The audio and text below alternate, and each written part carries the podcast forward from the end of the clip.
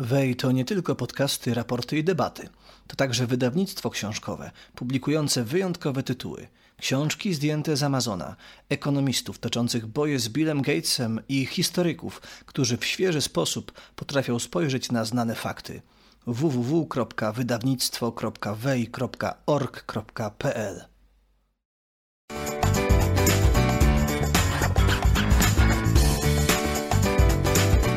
Cześć Marku.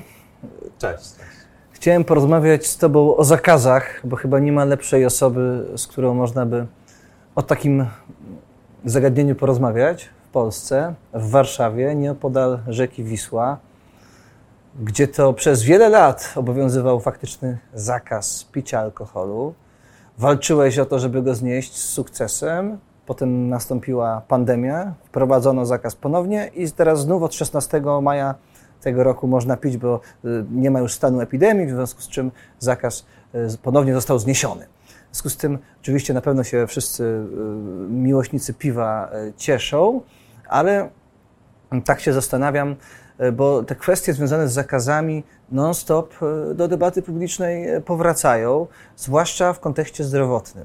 Mhm. Zwłaszcza w kontekście zdrowotnym, no i przy okazji alkoholu to jest oczywiście bardzo silnie przemawiająca do wyobraźni Polaków e, rzecz. Mamy historyczne zaszłości z rozpijaniem e, chłopów przez panów feudalnych. Ostatnio padła teza z ust jednego z aktywistów, że mamy do czynienia obecnie z rozpijaniem Polaków przez elity, mhm. prawda? Ten aktywista został wsparty przez ekonomistów, y, między innymi Marcina Kędzierskiego z Klubu Jagiellońskiego i z UJ-u, który twierdzi, że wręcz y, należy zakazywać nawet reklam na parasolach ogrodowych w knajpach. No i tutaj pojawia się to pytanie o Amerykanie czy Anglicy mówią trade-off, y, ale o to ważenie pomiędzy wolnością a kosztami społecznymi danych mhm. praktyk. Czy są takie sytuacje, których zakazy są e, uzasadnione. Oczywiście mhm. wyłączam tutaj kwestie kryminalne, ale mówimy o właśnie takich kwestiach jak picie alkoholu, nie wiem, tego rodzaju jakieś obyczajowe kwestie mhm. może. No, e, w tej sprawie alkoholu nad Wisłą, tam e, głównie właśnie poruszano ten argument z jednej strony problemów związanych z, ze spożyciem napojów alkoholowych, z drugiej rzeczy, które ludzie robią pod wpływem. E, przy założeniu takim ze strony przeciwników tego zakazu, że oczywiście na trzeźwo to ludzie się zachowują idealnie, już papierka na ziemię czy innych śmieci e, nie rzucają. No i faktycznie ta batalia e, trwała dość długo. Teraz można nad Wisłą spożywać alkohol, ale zwracam uwagę, że to może się szybko skończyć, ponieważ w sądzie trwa obecnie sprawa związana z aktywnością jednego z właścicieli budynku w tamtym miejscu, który zaskarżył uchwałę Rady Miasta pozwalającą na to spożycie. Wiem, że także w środowisku władz miasta są różne frakcje. Jest ta, która jest e, za wolnością i za tym, aby no, pozwolić ludziom e, do, do, dokonywać świadomych i samodzielnych wyborów, ale są też przeciwnicy, którzy właśnie twierdzą, że jeżeli ten alkohol nie będzie tam spożywany, e, to E, to wtedy od razu sytuacja się poprawi, będzie mniej śmieci, ludzie będą się zachowywać lepiej, więc być może ten zakaz e, zostanie przywrócony. No i to jest w ogóle akurat dobry taki przypadek do przeanalizowania, ponieważ twierdzenie jest takie, że jeżeli wprowadzimy zakaz spożywania alkoholu nad Wisłą, to od razu rzeczywistość nad tą rzeką się odmieni. Po pierwsze, ludzie przestaną pić. E, otóż podczas pandemii, tak jak wspomniałeś, nie można było tam pić, a każdy z nas, kto tam był nad brzegiem, widział, że ludzie tam pili, więc to nie jest tak, że magicznie zapiszemy coś e, w prawie i od razu e, ten zakaz sprawi, że e, wszyscy będą go stosować. Akurat w tym przypadku, żeby w ogóle to prawo można byłoby egzekwować, to podejrzewam, że trzeba byłoby wysłać całą Straż Miejską i może i połowę służb policji w Warszawie, żeby tam stała na każdym kroku i ten zakaz egzekwowała, bo inaczej jest to przepis martwy. W mojej ocenie o wiele lepiej mieć prawo, które sprawia, że no, ludzie mogą konsumować alkohol, a jednocześnie ka nakładamy kary za rzeczy, które robią, czy to na trzeźwo, czy po alkoholu. Jeżeli ktoś śmieci, to powinien zostać ukarany. Jeżeli ktoś zachowuje się agresywnie, dokonuje jakichś aktów wandalizmu, wandalizmu też powinien zostać ukarany. No i teraz pytanie jest, czy lepiej wykorzystać patrol, który już tam jest policji i Straży Miejskiej do tego, żeby biegać głównie za młodymi ludźmi, często mhm. studentami e, z tym piwkiem pod chmurką, czy może jednak lepiej, żeby ten patrol w tym czasie, który e, i tak tam spędza, spędził na tym, żeby karać tych bardziej agresywnych czy źle e, zachowujących się. No, w tym przypadku, tak jak zadałeś to pytanie o zakaz, przede wszystkim taką kryterium powinno być to, czy szkodzimy tylko sobie, czy szkodzimy także innym przestrzeni publicznej, przestrzeni prywatnej. Tylko, że, I... tylko, że właśnie tutaj ta granica, i to często jest podkreślane przez zwolenników różnego typu zakazu,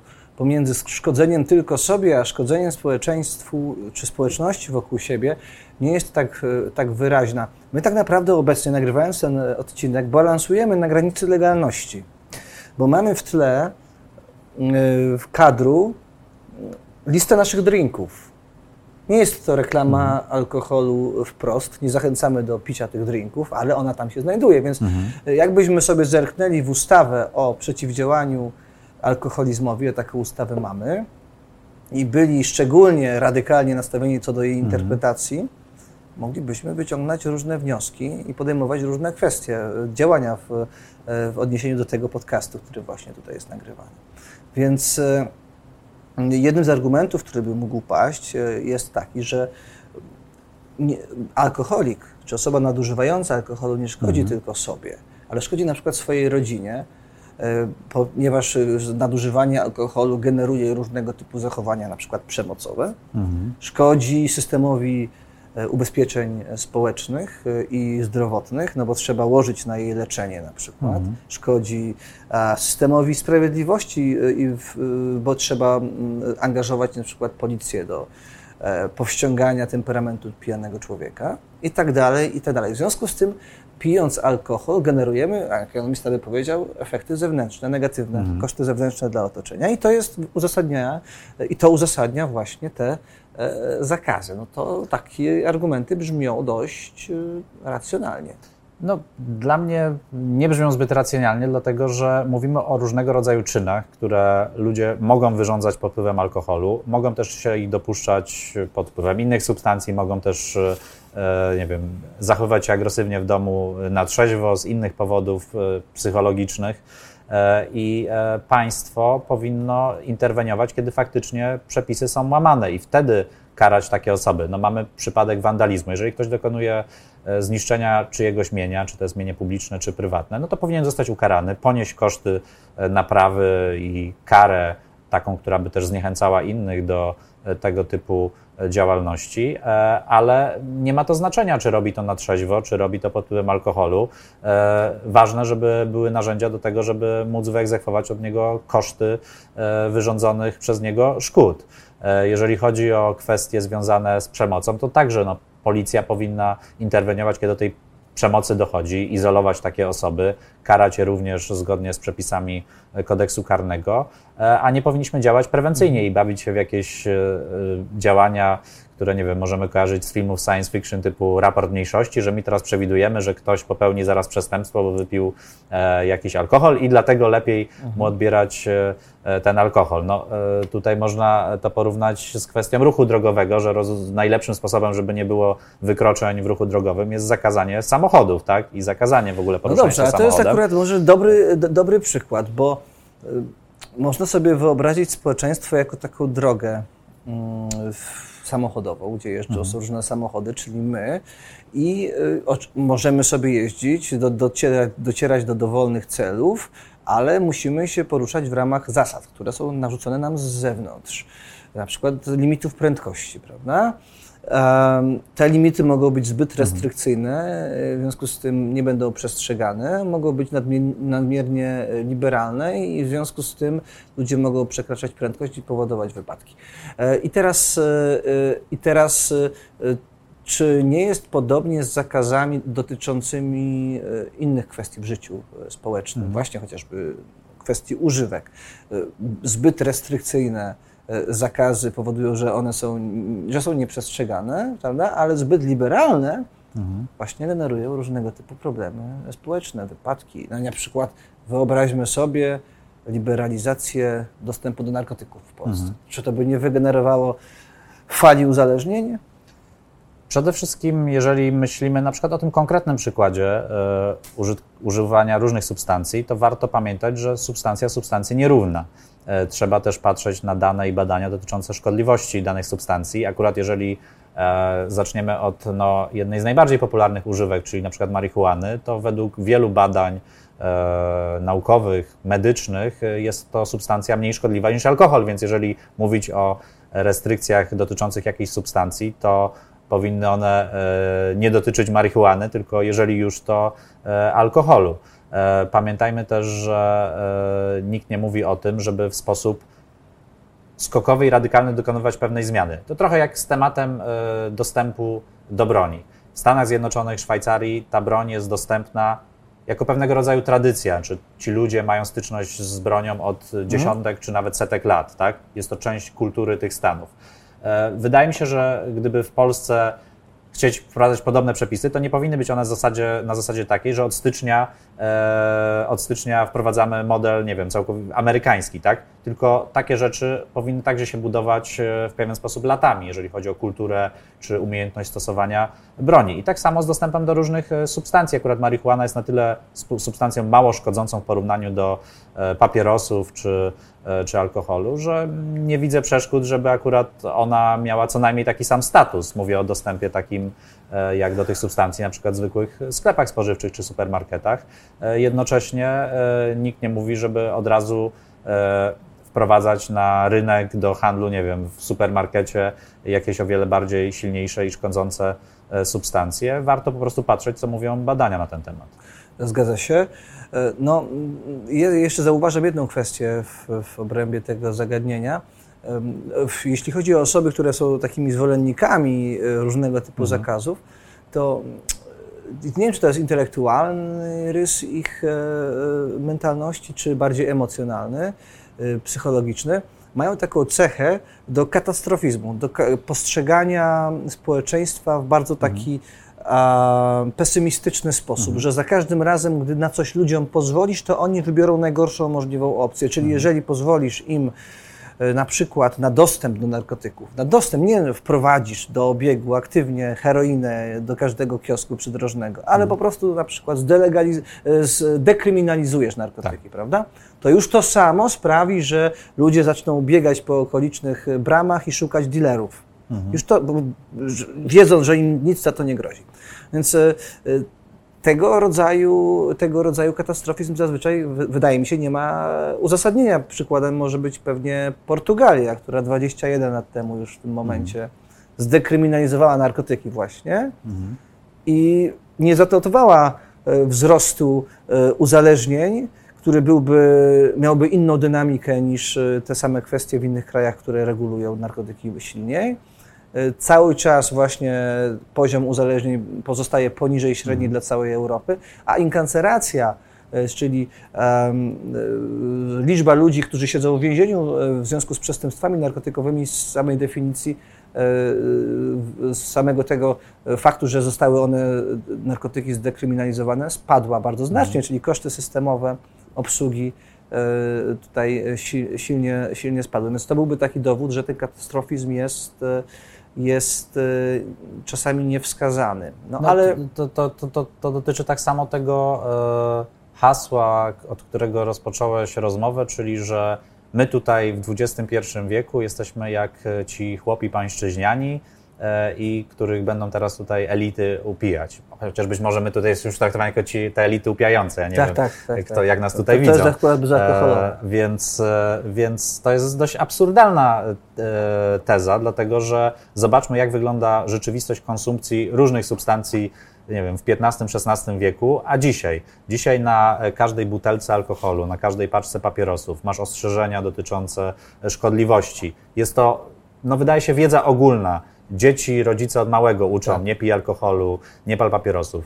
Wtedy, kilkaset lat temu, e, nie było praktycznie jeszcze żadnych badań dotyczących szkodliwości używania e, różnych e, substancji, więc i, i było to nie było takiej informacji, Jeszcze nie było 100 lat edukacji. temu jakby- jakby poziom- niektórych... po, poziom w ogóle Tak. edukacji społecznej był dużo niższy, tak. Jakby y, większość osób nie potrafiła czytać czy pisać, a co dopiero e, mieć świadomość na temat skutków e, zażywania różnego rodzaju substancji. Więc no, nie można robić takich porównywań, bo żyjemy w zupełnie innym świecie e, i e, dzisiaj myślę, że te jednostki e, są o wiele bardziej świadome. Mówimy nawet o osobach, nie wiem, no, słabiej wykształconych, one nadal są e, świadome. Jakby ciężko mi sobie wyobrazić, że ktoś kończący na przykład szkołę podstawową nie wie, że papierosy szkodzą. Jakby jest to wiedza przekazywana e, na pewno przez nauczycieli już na takim poziomie e, edukacji no, najbardziej podstawowej, tak? I e, jest to rzecz zakazana, za którą, nie wiem, szkoła czy woźny w szkole ściga, kiedy ktoś próbuje to zrobić, więc, e, więc ta wiedza jest. A my, myślę, że chcielibyśmy jednak społeczeństwo, w którym dorośli ludzie są traktowani jak ludzie dorośli i pozwalamy, pozwalamy im na podejmowanie wyborów, także jeżeli to są wybory błędne. Tylko tutaj znów e, wcielę się tymczasowo w rolę adwokata diabła. Czy nasze wybory, które podejmujemy pod wpływem używek, są wolne do końca, czy nie? E, Bo to jest częsty argument, że osoby, które są uzależnione na przykład od alkoholu, od innych właśnie substancji, nie podejmują wyborów w takim sensie jak e, osoby, które idą kupić warzywa do sklepu i wybierają te świeże, te najładniejsze, najzdrowsze. Przeciwnie, te osoby y, są poddane działaniu substancji, które paraliżują ich ośrodki y, nerwowe w mózgu, te odpowiedzialne za świadome wybory i kierują je y, na konkretne, negatywne, szkodliwe dla nich tory. I temu należy przeciwdziałać i po to właśnie są zakazy. No, e, przede wszystkim e, bardzo wiele rzeczy w życiu uzależnia, więc e, gdyby mieć takie z kolei podejście, to trzeba byłoby zakazać praktycznie wszystkiego. No, można być uzależnionym także od słodyczy, które są z kolei niezdrowe i mogą sprawić, No że i będziemy dlatego mieć mamy podatki od choroby. cukru. E, Można być uzależnionym od mediów społecznościowych i spędzać godziny oglądając I zdjęcia. dlatego w Chinach wprowadzane są limity dla dzieci na używanie mediów społecznościowych. No i niestety to w mojej ocenie jest po prostu zły model, który sprawia właśnie, e, że e, dorośli są traktowani jak dzieci. Tutaj wspomniałeś dzieci. Dzieci to jest inna sprawa. O dzieci powinni przede wszystkim o wiele lepiej dbać rodzice, tak? Jeżeli rodzic daje dziecku telefon, bo uważa, że to jest najlepszy sposób na wychowanie, no to jest możliwe, że to jest problem tego rodzica, tak? W jaki sposób wychowuje dziecko e, i traktuje telefon jako taki zabijacz czasu, który można temu dziecku wręczyć. No ale to już na marginesie też tej dyskusji. Ja cały czas zakładam, że mówimy o ludziach dorosłych i e, rzekomej potrzebie chronienia ich przed e, samymi e, sobą. Oczywiście, jeżeli mamy kwestię jakiegoś głębokiego uzależnienia, to od tego jest też wiele instytucji w tej chwili już działa, działających w Polsce, czy to organizacji pozarządowych, czy instytucji publicznych, do których taka osoba może zwrócić się o pomoc. E, Pytanie oczywiście, czy te osoby e, są do takiej pomocy gotowej, e, gotowe, czy możemy je zmusić, czy nie. No, mamy problem osób, które na przykład nie korzystają zimą z noclegowi, cho- chociaż są osobami bezdomnymi i w bardzo niskiej temperaturze grozi im e, śmierć czy poważny uszczerbek na zdrowiu, ale nie korzystają, bo na przykład noclegowi nie można spożywać alkoholu. No i teraz jest bardzo trudny dylemat moralny, czy można taką osobę na przykład zmusić, tak? Zamknąć ją, tam i traktować de facto jak więźnia bez, nie wiem, wyroku sądowego, bez jakiejś procedury, e, żeby nie spożywała alkoholu, a jednocześnie nie zamarzła. No niestety nie zbawimy świata, a to jest taka, takie podejście tych osób, które chciałyby wszystko uregulować i e, rozwiązywać problemy zakazania, takich e, współczesnych e, misjonarzy, które właśnie dorosłych ludzi w rzeczywistości, gdzie ta dostępność do informacji jest dużo lepsza i większa, e, chcą traktować jak małe dzieci i stąd e, taka tendencja do tego, żeby każdy element naszego życia był kontrolowany przez jakieś instytucje publiczne. No właśnie, bo przecież to nie tylko chodzi o zakazy picia alkoholu w danych miejscach, czy zakazy reklamy alkoholu, czy nie chodzi tylko o zakaz posiadania broni. Zakazy w obecnym systemie e, są znacznie e, szerszą kategorią. Tak? Przecież na przykład pensję minimalną można uznać e, za de facto e, zakaz wykonywania pracy po danej cenie. Prawda? Jeżeli ta cena jest niższa niż, e, niż pensja minimalna, to po prostu nie możesz pracować. Jest to zakazane, jest to nielegalne. Prawda za to się chyba nie chodzi siedzieć do więzienia, ale jest to nielegalne. Czy uznajesz, czy widzisz takie sfery w życiu społecznym, gdzie faktycznie jakieś zakazy znajdują uzasadnienie? Znów mówię mhm. tu, nie mówię tu o kwestii przestępstw typu morderstwo, mhm. to jest mhm. oczywiste. No, wydaje mi się, że tam, gdzie faktycznie mówimy o realnej możliwości wyrządzenia szkody innym osobom, ale szkody e, takiej, która e, no nie jest, e, nie można jej uzasadniać tym, że być może coś się wydarzy, tak? tylko realnie to, to, się, to się zdarza. Nie, nie, nie na zasadzie prewencyjnym, tylko faktycznie, kiedy te szkody, mhm. no, wiem, ktoś zostanie zraniony, zabity, jego mienie zostanie zniszczone, wtedy zakazujemy takich rzeczy, zakazujemy niszczyć, zakazujemy wandalizmu, zakazujemy, nie wiem, zabijania innych osób, tak? E, to są zakazy, które są zrozumiałe, bo one chronią e, naszą wolność przed działaniami innych osób, a działania na zasadzie prewencyjnej, no, moim zdaniem są właśnie nadmiernym paternalizmem, który de facto może generować więcej szkód niż pożytku. Wspomniałeś tą płacę minimalną. Oczywiście dzisiaj mamy rzeczywistość inną na rynku pracy. Tych pracowników jest bardzo mało i tak naprawdę E, większość e, może liczyć na co najmniej takie wynagrodzenie jak płaca minimalna, a wiele firm nawet bije się o pracownika i oferuje e, większe stawki, więc, więc w tej sytuacji ten koszt nie występuje, ale kiedy mamy sytuację na przykład wysokiego bezrobocia i wprowadzamy wysoką stawkę minimalną, tak naprawdę pod przykrywką ochrony części pracowników E, utrudniamy im znalezienie pracy i e, zmuszamy, czy jako państwo wpychamy ich niejako w bezrobocie. To często dotyczy osób najsłabszych, osób e, wchodzących na rynek pracy, najmłodszych, czasami kobiet, albo osób z kolei w wieku już takim bliskim emerytury, które mogłyby się w jakiś sposób spełniać zawodowo.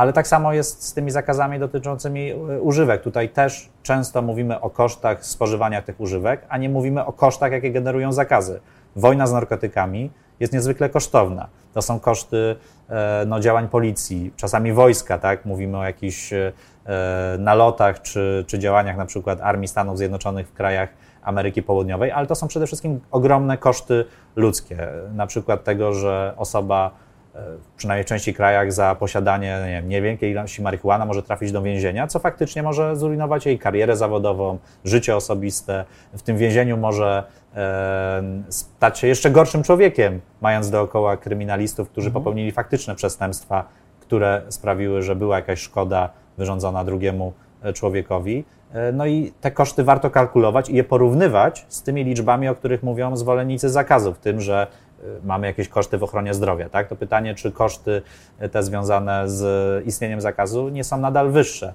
Abstrahując także od metodologii tych wyliczeń, bo oczywiście e, jakieś koszty dla ochrony zdrowia istnieją, no ale jednocześnie, jeżeli ktoś sam sobie szkodzi i nadużywa alkoholu, to na przykład będzie miał krótsze życie, więc mhm. to jest jakiś już, nie nazywamy tego korzyścią dla społeczeństwa, ale po prostu nie system emerytalny zapłaci mniej takiej osobie, bo ona na własne swoje życzenie, e, skraca swoje życie złym trybem e, życia i złym trybem e, konsumpcji. Dobrze, Więc to warto znów, te rzeczy kalkulować. Znów mówimy o, do, o osobach dorosłych, ale przecież komunikaty reklamowe, na przykład wracamy na chwilkę do używek, trafiają do szerokiego grona odbiorców, także oso do osób nieletnich. Jeśli chodzi o takie kwestie jak na przykład pornografia, to ona mhm. też dociera do osób coraz młodszych ze względu na to, że właśnie mają dostęp do tych wszystkich mobilnych technologii. E, więc są takie, mm, są takie w przestrzeni publicznej mhm. aktywności, które mogą zaburzyć podejmowanie decyzji u osób, które jeszcze nie mają tego ośrodka decyzyjnego rozwiniętego w pełni. Tak? Jeszcze nie są do końca świadome, co jest dobre, co jest, e, co jest złe. Nie, nie mają tej pełnej orientacji mhm. społecznej, moralnej, jeżeli chodzi o aksjologię. E, a te komunikaty do nich docierają. No i teraz pytanie jest takie, czy to faktycznie jest, nie wiem, tylko i wyłącznie odpowiedzialność rodziców, tak, że no, jeżeli ten rodzic daje swojemu dziecku smartfona, a ono mhm. na tym smartfonie widzi takie, a nie inne treści, przypadkiem czy nie przypadkiem, no to to już jest sprawa tego rodzica i tej rodziny. Czy można tak na powiedzieć, czy tylko, na tym się należy zatrzymać? Na pewno nie tylko rodziców, no także instytucji, w których e, te dzieci mają proces edukacji, tak? Na początku wiem, przedszkola, mhm. później szkoły, instytucji edukacyjnych ale tak, no przede wszystkim rodziców. Znaczy ja uważam, że to rodzice powinni mieć e, decydującą rolę w wychowaniu swoich dzieci, e, a nie państwo. Jednocześnie no, to też w tym obszarze także nie można uznawać, że wszystko będzie doskonale. No, tak samo jak dziecko w czasie swojego wychowania, nie wiem, pewnie się nieraz oparzy, pewnie zrobi coś innego złego, dotknie czegoś gorącego i się nauczy konsekwencji złego czynu. Tak samo jest z łamaniem innych zakazów, które jednocześnie, no tutaj jest problem egzekwowania. Nie widzę problemu, żeby była reklama alkoholu w telewizji, nawet jeżeli dzieci mogą tą telewizję obejrzeć, bo w teorii dziecko nie powinno móc w takim barze jak tutaj, czy w sklepie kupić alkoholu. Oczywiście jest problem z egzekwowaniem tego prawa i, yy, i to jest e, coś, czym powinny się zajmować służby państwa, to znaczy kontrolować, czy e, te przepisy są egzekwowane i czy dowody osobiste, wiek osób kupujących alkohol jest sprawdzany. Jednocześnie, pozostając przy kwestii wychowania, wydaje mi się, że na przykład model niemiecki, w którym pewnych alkoholi, na przykład piwa, można już spróbować w wieku 16 lat, E, że pewnych rzeczy, że w barze rodzic może także zamówić e, dziecku napój alkoholowy, e, takiemu nastoletniemu, tak, nie mówię o siedmiolatku, jest modelem wartym rozważenia, dlatego że sprawia to, że to rodzic może wyedukować i wprowadzić dziecko na przykład w konsumpcję substancji alkoholowych, tak, pokazać mu to jest piwo, wypij, spróbuj wypić ze mną, a nie dzieje się to na zasadzie E, no, dość dzikiej, tak? E, sam pamiętam swoje doświadczenia, gdzie była to raczej, nie wiem, czy to jakaś wycieczka szkolna, czy gdzieś właśnie jakieś wyjście e, z kolegami w czasach młodzieńczych, gdzie wydaje mi się, że jest to zazwyczaj robione w sposób o wiele mniej odpowiedzialny niż w obecności rodzica tak, nawiasem pod mówiąc, pewnego rodzaju kontrolą. Nawiasem mówiąc, co sprawia więcej frajd, wyjście z kolegami na piwo nad Wisłę, czy picie pierwszego piwa pod nadzorem taty, mamy. No, na, pewno, na pewno e, ten zakazany owoc zawsze będzie kusił, ale od tego jest mhm. właśnie e, prawo chroniące dzieci przed dostępem do, do, do, do tych substancji, e, żeby, żeby pomagać rodzicom w tym procesie wychowania. Jednocześnie wydaje mi się, że nawet tutaj warto myśleć o pewnych mhm. poluzowaniach. To akurat biorę ostatnio parę razy dyskusję w, inny, w temacie innego zakazu, a mianowicie zakazu pracy dzieci. Mhm. E, otóż wydaje mi się, że e, te przepisy również powinny być trochę bardziej elastyczne i nikt tutaj nie mówi, tak jak lewica zaraz będzie krzyczeć, że tutaj postuluje pracę siedmiolatków w kopalniach, e, ale jeżeli dzieci jakieś swoje własne wyroby, nie wiem, lemoniadę, czy jakieś rzeczy, które wykonają w domu, chcą gdzieś sprzedawać na lokalnym jarmarku, nie wiem, na festynie na jakimś odpuście w gminie, no to nie widzę przeszkód, żeby mogły w taką pracę de facto się bawić, tak? bo to jest połączenie pracy i zabawy e, i żeby państwo, no, jeżeli nie chce zmieniać przepisów, to czasami przymykało na to oko, tak, żeby pozwolić temu dziecku handlować, nie myśleć o kwestiach podatków czy o e, kwestii sanepidu, bo jakimś tam napojem krzywdy e, nikomu te dzieciaki no w Polsce, nie zrobią. W Polsce prawa konsumencko-produkcyjne dzieci są dosyć mocno ograniczone, prawda, obecnie. No tutaj mamy dosyć restrykcyjne regulacje. Tam dziecko może zrobić e, zakupy w sklepie bodaj dopiero od 13 roku życia. No, jeśli jeżeli chodzi w ogóle o pracę dzieci, to to też jest ograniczona tylko do kilku obszarów. To dotyczy na przykład filmu, e, jakichś występów artystycznych, tego typu rzeczy. E, no ale e, mieliśmy ostatnio taką sprawę w mediach społecznościowych chłopaka, który sprzedawał jakieś lokalne E, przetwory, tak, a jednocześnie czytał książki. Była cała akcja, media sfinansowały mu e, e-booka, jakiś zestaw książek, ale był też duży atak ludzi na, na rodziców tego dziecka, czy e, to nie jest jakaś patologia, że to dziecko handluje tymi dżemami czy, czy innymi przetworami zrobionymi w ramach gospodarstwa domowego. No i moim zdaniem nie powinno być przepisów, które by takie czegoś zakazywały, Oczywiście jest to kwestia do sprawdzenia, czy to jest e, jakby... Czy ona handluje, bo chce, czy bo musi, prawda? Tak. I myślę, że takie rzeczy można sprawdzać na zasadzie no, takich relacji urzędnik a ta rodzina. Mhm.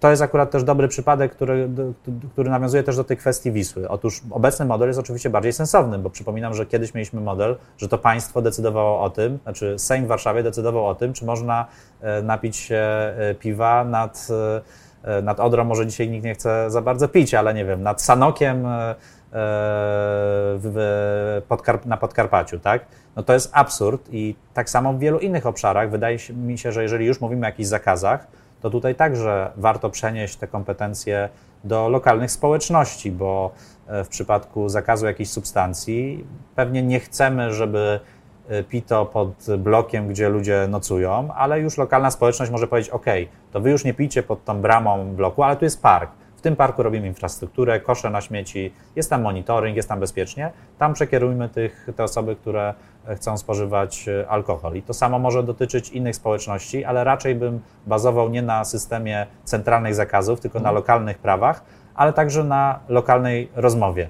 Jeżeli mogę, to jeszcze ten jeden, jeden wątek dotyczący zakazu, który też się pojawiał w Warszawie, a mianowicie hasło zakażmy, zakażmy palenia na balkonach.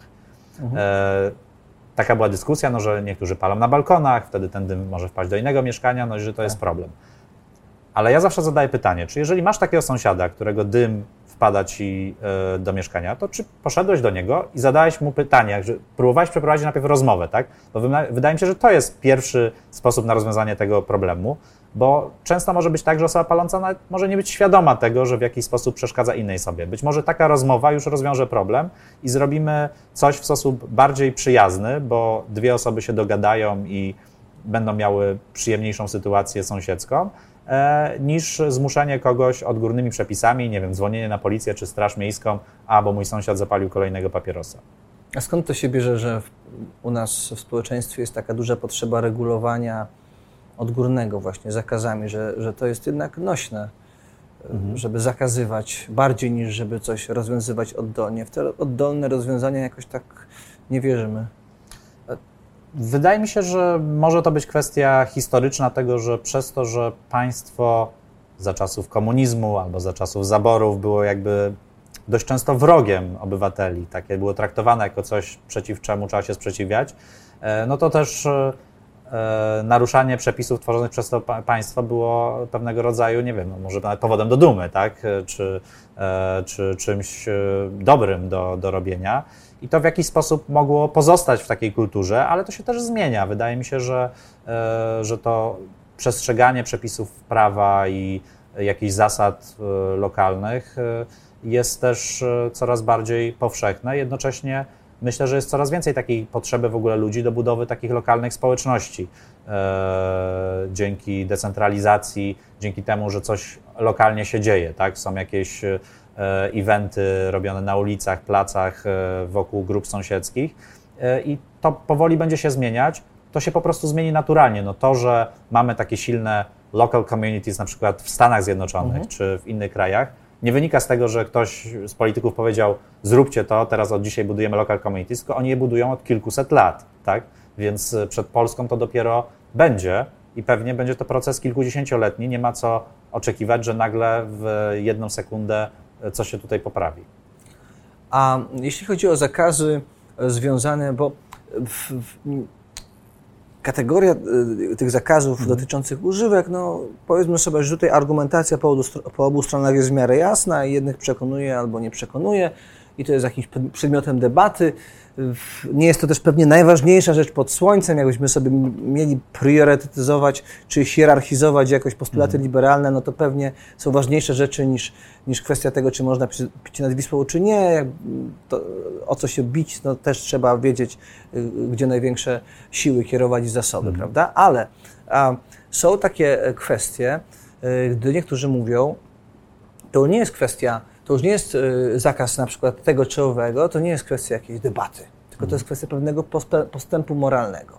I wyobrażam sobie, że na przykład o ile teraz mamy tutaj dużą debatę od jakiegoś czasu o tym, żeby zakazać produkcji y, czy hodowli zwierząt futerkowych, no bo to on pociąga za sobą jakieś tam cierpienie tych zwierząt. Y, była debata, zresztą no, mm, wprowadzono takie zakazy uboju rytualnego, mhm. prawda?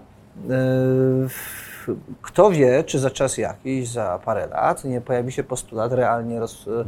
rozważany zakazu w ogóle hodowli e, zwierząt pod kątem uboju, czy to będą e, krowy, czy to będą mhm. kurczaki, kury, to nie, nieważne. E, po prostu, bo ktoś uzna, że mhm. ludzkość już osiągnęła taki moment rozwoju, w którym y, empatia do zwierząt jest tak daleko posunięta, że nie można ich zabijać celem mhm. konsumpcji. Y, takie zakazy będą uzasadnione? Wydaje mi się, że przede wszystkim do tego, o czym mówisz, może w przyszłości dojść, ale nie na podstawie zakazów, tylko na podstawie różnego rodzaju alternatyw. Taką alternatywę widzę na przykład w tych różnych ideach sztucznej produkcji mięsa, produkcji produktów de facto mięsnych, ale bez cierpienia zwierząt, która się powoli rozwija. Te produkty są coraz tańsze i jest duża szansa, że za e, kilkanaście czy kilkadziesiąt lat E, będą mogły być jeszcze tańsze niż koszt e, hodowli samej zwierząt i po prostu rynek tutaj zweryfikuje sytuację i sprawi, że te towary będą bardziej atrakcyjne, a zjedzenie, nie wiem, takiego prawdziwego steka będzie już kwestią luksusu, bo jego koszt będzie znacznie większy, takiego steka z żywej wcześniej krowy. I tutaj widzę jakby szansę na ograniczenie cierpienia zwierząt, tego, że dzięki innowacjom i e, takiej ogólnej edukacji, presji społecznej, to się po prostu naturalnie e, zmienia. E, to, że e, nie wiem, ludzie zaczęli kupować i zwracać uwagę, jaki jest e, typ jajka, tak? Mamy te różne klasy jajek. To nie wynika z tego, że ktoś prowadził ustawę, kupujcie jajka klasy 0, tak? Tylko po prostu coraz więcej osób jest świadomych, że te jajka najniższej klasy oznaczają, że kury E, przebywały w bardzo złych warunkach, mhm. w małych klatkach, no i sami poszukują po prostu produktów lepszej jakości. Warto zobaczyć, jak rozszerzają się półki w naszych supermarketach e, ze zdrową żywnością, z ekologicznymi produktami, działy wegetariańskie. Stają się coraz więcej. W Warszawie powstaje co, co roku kolejne wegetariańskie czy wegańskie restauracje i też nie dlatego, że ustawodawca powiedział, musimy mieć w mieście 500 wegetariańskich restauracji albo jedną wegetariańską restaurację na kilometr kwadratowy, tylko że jest po prostu większe zainteresowanie ludzi tego typu dietą i te procesy zmienią się naturalnie. Ja tą dyskusję o prawach zwierząt trochę porównuję do dyskusji o e, pracy dzieci, o której już nawiązaliśmy, bo często jest takie hasło, no, że to było wielkie osiągnięcie, że zakazaliśmy pracy dzieci. Tak. Ale dlaczego było to możliwe? Wprowadzenie odgórnego zakazu pracy dzieci było możliwe, że w pewnym momencie rozwoju ta praca dzieci stawała się także mało opłacalna. I nie mówię tu w sensie opłacalna dla właścicieli firm, bo pewnie mogliby nadal e, z niej korzystać, ale ma, mało opłacalna w tym sensie, że dorosłe osoby zaczęły zarabiać coraz więcej i nie musiały już dzieci wysyłać do pracy. Były w stanie się utrzymać jako najpierw ojciec, później po otwarciu także rynku pracy i wielu miejsc pracy dla kobiet jako cała rodzina, z pracy tylko dwojga rodziców, utrzymać e, tą rodzinę. E, tak samo jeżeli chodzi o pracę w rolnictwie, bo przecież tam bardzo dużo dzieci pracowało. Mamy ten wizerunek tych dzieci pracujących w XIX-wiecznych zakładach przemysłowych, a najwięcej dzieci pracowało na roli, tak? E, po to w ogóle e, istniały wakacje szkolne, żeby dzieci mogły wracać i pomagać w żniwach. Dzisiaj ta pomoc nie jest już niezbędna dzięki mechanizacji i innego rodzaju innowacjom, tak? Bo tą samą pracę, którą kiedyś wykonywały dzieci, dziś może wykonać e, zbiór różnego rodzaju maszyn rolniczych. Jest to bardziej efektywne, tańsze i bezpieczniejsze. Ale jeżeli myślimy na przykład, że możemy odgórnie, nie wiem, narzucić Afryce zakaz pracy dzieci, to to jest mrzonka. Możemy oczywiście e, takie sobie postulaty tworzyć, ale jeżeli e, ktoś, nie wiem, powiedzmy ONZ albo jakaś inna instytucja powie, OK, to my wam teraz będziemy uzależniać pomoc dla tego kraju, ale wy wprowadźcie w legislacji zakaz pracy dzieci, no to ten przepis będzie tam przepisem martwy. Po prostu są to kraje na tyle biedne, że ta praca dzieci jest tam wciąż dla przeżycia gospodarstw domowych e, niestety niezbędna. Dobrze, Więc ktoś, ktoś może... wraz z rozwojem mhm. ten problem także tam zostanie wyeliminowany. Ktoś może powiedzieć tak, OK, Marek. Ty stawiasz na taki powolny rozwój rynkowy, że kiedyś jakiś problem będzie rozwiązany. Ale są Bo takie... tak nam pokazuje historia, no, że tak było. Tak, ale są takie problemy, które my dzięki rozwojowi nauki już zidentyfikowaliśmy. I tutaj mhm. oczywiście piję do kwestii globalnego ocieplenia, mhm. które nie, nie mogą być przedmiotem powolnego wynajdowania rozwiązań, bo one są palące i egzystencjalne. Od nich mhm. zależy przyszłość naszej cywilizacji. I teraz tak, stąd właśnie trzeba zakazać na przykład produkcji samochodów spalinowych i ten zakaz mhm. już jest ustalony. 2035 rok takich samochodów ma już nie być nowych mhm. sprzedaży. Może jak coś faktycznie grozi naszej planecie, jak leci w, naszą, w naszym kierunku kometa, jak w tym filmie, mhm. takie zakazy są uzasadnione. No, po pierwsze jest to e, pytanie, czy faktycznie leci kometa. Mi wydaje mi się, że e, oczywiście zmiany klimatyczne są faktem, istnieją, warto im przeciwdziałać, ale to nie jest tak, że mamy na progu katastrofę. Jednocześnie bardzo dużo w kwestiach dostosowywania się do tych zmian klimatu się dzieje i właśnie dzieje się w sposób e, stopniowy. Nawet te cele, które są stawiane przez instytucje publiczne, to nie są cele zniwelujcie, e, nie wiem, e, coś, emisję do zera za rok, tylko są one rozkładane na wiele lat. Jest oczywiście problem z ich egzekwowaniem, co pokazuje, jak są skuteczne. Jest problem z przerzucaniem tych emisji do innych części świata, co też pokazuje taką trochę fikcję różnego rodzaju prób centralnego sterowania tym procesem. E, ale to się zmienia. No, przykład tych elektrycznych samochodów. Wydaje mi się, że elektryczny samochód to jest generalnie bardzo dobry pomysł, tak? I jeżeli będzie do tego dobra infrastruktura, jeżeli faktycznie ta energia będzie produkowana e, z zielonych źródeł, bo w przypadku w Polski, gdyby wprowadzić te elektryczne e, samochody, to i tak byłyby głównie napędzane energią robioną przez Bełchatów i inne duże elektrownie węglowe, to one same wyprą w jakiś sposób samochody spalinowe, jeżeli faktycznie będzie można je łatwo ładować wszędzie. E, to znaczy, że ktoś w Brukseli nie wierzy w to, że same wyprą. wydaje mi się, że to jest taka próba, znaczy to może być też kwestia e, lobbingu producentów e, już teraz samochodów elektrycznych, które są wciąż samochodami droższymi. Jest to moim zdaniem w ogóle dość absurdalne, żeby subsydiować na przykład tego typu produkty, bo zazwyczaj są to dotacje dla osób no, ponadprzeciętnie zamożnych, które stać na kupno w ogóle takiego samochodu, więc w ogóle pomysły, żeby tego typu e, samochody dotować, e, no to jest jakieś e, aberracja w ogóle polityki społecznej państwa, bo jeżeli już komuś pomagać, to osobom najbiedniejszym, a nie osobom dobrze zarabiającym. E, ale to też wydarzy się w sposób naturalny i taki e, stopniowy, to znaczy stopniowo będzie poprawiać się infrastruktura, stopniowo będzie rosło zainteresowanie tymi samochodami. E, I wydaje mi się, że po prostu samochody spalinowe zostaną same wyparte przez po prostu lepsze technologie, a potem coś kolejnego pewnie wyprze i te, te pierwsze samochody elektryczne, tak? Jeszcze lepszy model mhm. akumulatora, czy jeszcze lepsza technologia, a być może wodór, który też e, jest, e, e, no, nie, nie powoduje emisji CO2. Kto wie, tak? Jakby myślę, że na ten problem odpowiedzą innowatorzy i też kwestie ceny tych produktów. Widzimy, jak dzisiaj zmienia się sytuacja na rynku tych tradycyjnych surowców, stają się one coraz droższe, a dzięki temu te zielone technologie się, stają się coraz bardziej atrakcyjne. Poza tym, że one stają się bardziej atrakcyjne dzięki unowocześnianiu tych produktów. E, no i niebawem to będzie już kwestia ceny po prostu. Bardziej będzie opłacać się być zielonym niż zielonym e, nie być. A, a, centralnym planowaniem no, do tej pory e, nie osiągnęliśmy zbyt spektakularnych sukcesów w żadnych obszarach życia, więc tutaj także byłbym ostrożny we wprowadzaniu tego typu zakazów, bo lepiej zrobić to ułatwianiem warunków przedsiębiorcom do na przykład tworzenia tych innowacji, E, niż narzucaniu odgórnych e, restrykcji. Rozumiem, bo e, w, chciałem teraz jeszcze na, na, koniec naszej rozmowy podjąć temat tego, co robisz zawodowo.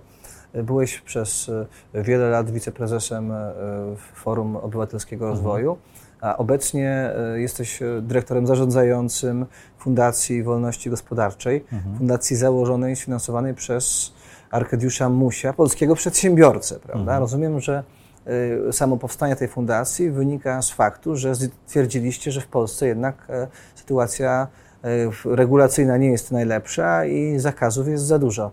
Jakbyś mógł opowiedzieć trochę właśnie o powodach ustanowienia tej fundacji, co robicie i, i tak dalej. E, no na pewno poziom wolności gospodarczej w Polsce jest zdecydowanie zbyt niski. Jest to jeden z najgorszych wyników w krajach Unii Europejskiej, zarówno jeżeli popatrzymy na rankingi E, Fraser Institute, jak i Heritage Foundation, czy różnego rodzaju inne miary, e, które pokazują jakość nie wiem, instytucji dla prowadzenia działalności gospodarczej, oceniają jakość systemu podatkowego. Wszędzie tam jesteśmy w ogonie Unii Europejskiej, więc jest ogromne pole e, do poprawy i zmniejszania zakazów, zarówno tych w obszarze prowadzenia działalności gospodarczej, rynku pracy, ale też tych dotyczących codziennej konsumpcji. Tutaj wspomniałeś chwilę temu o tym, że warto wybierać te cele, co jest ważne, co nie, E, które restrykcje są warte tego, żeby się, o nie bić. E, oczywiście warto takie priorytety mieć, ale jednocześnie wydaje mi się, że, że czasami warto walczyć z takimi drobnymi zakazami. E, kiedyś Fundacja FOR e, wyprodukowała taki magnes na lodówki, który pokazywał niedziele handlowe, ponieważ teraz system nie jest taki łatwy. Trzeba wiedzieć, kiedy jest ta niedziela niehandlowa, kiedy jest mhm. handlowa. No więc chcieliśmy ułatwić ludziom życie, żeby najprostszym miejscu, gdzie chowają produkty spożywcze, mieli te magnesy, ale na tym napisie był, na tym magnesie był taki napis, że ograniczenia wolności zaczynają się właśnie od takich drobnych rzeczy. Jeżeli pozwalamy na zamykanie sklepów w niedzielę, to zaraz ktoś powie, a może jeszcze zamykać w sobotę, a może zamykać o 19, żeby już o 19 ci pracownicy nie musieli być zmuszani do pracy, bo tak twierdzą zwolennicy tego e, zakazu i tak dalej. Więc warto z tymi drobnymi ograniczeniami e, walczyć, e, a jednocześnie war, warto no, patrzeć o ten duży obraz tego, jak Polska plasuje się w tych miarach wolności gospodarczej. No i na tym zależy także fundacji. My przede wszystkim staramy się wspierać inne organizacje, które działają na, na tym polu, które starają się zwiększyć poziom wolności gospodarczej, praworządności, jakości tworzenia E, prawa poprzez różnego rodzaju konkursy grantowe, ale też nasze własne kampanie. Jednocześnie widzimy ogromną e, przestrzeń do działania takiego w obszarze komunikacji, bo wydaje się, nam się, że po prostu wolny rynek, liberalizm jest w Polsce bardzo mocno demonizowany. Tak jakby każde zło tego świata jest łączone z kwestią wolności, no i warto z tym walczyć. Większość mojego czasu, który spędzam w mediach społecznościowych, to jest walka z jakimiś zmyślonymi poglądami na temat moich poglądów, czy poglądów szerzej E, polskich liberałów, e, e, bo tak to niestety wygląda, tak, że jest masa mitów, które wierzą zwolennicy lewicy, etatyści, wrzucają mi do internetu, a potem wmawiają mi, że to są moje poglądy. I to dotyczy zarówno tych zakazów, jak i innych obszarów aktywności państwa. No i jest po prostu dużo do zrobienia. Skoro jest dużo do zrobienia, to warto tworzyć i rozwijać taką fundację jak nasza, żeby móc jakoś ten problem zidentyfikować, a potem rozwiązać. Bardzo dziękuję. Powodzenia w tym zadaniu. Dzięki, dziękuję za zaproszenie. Dzięki.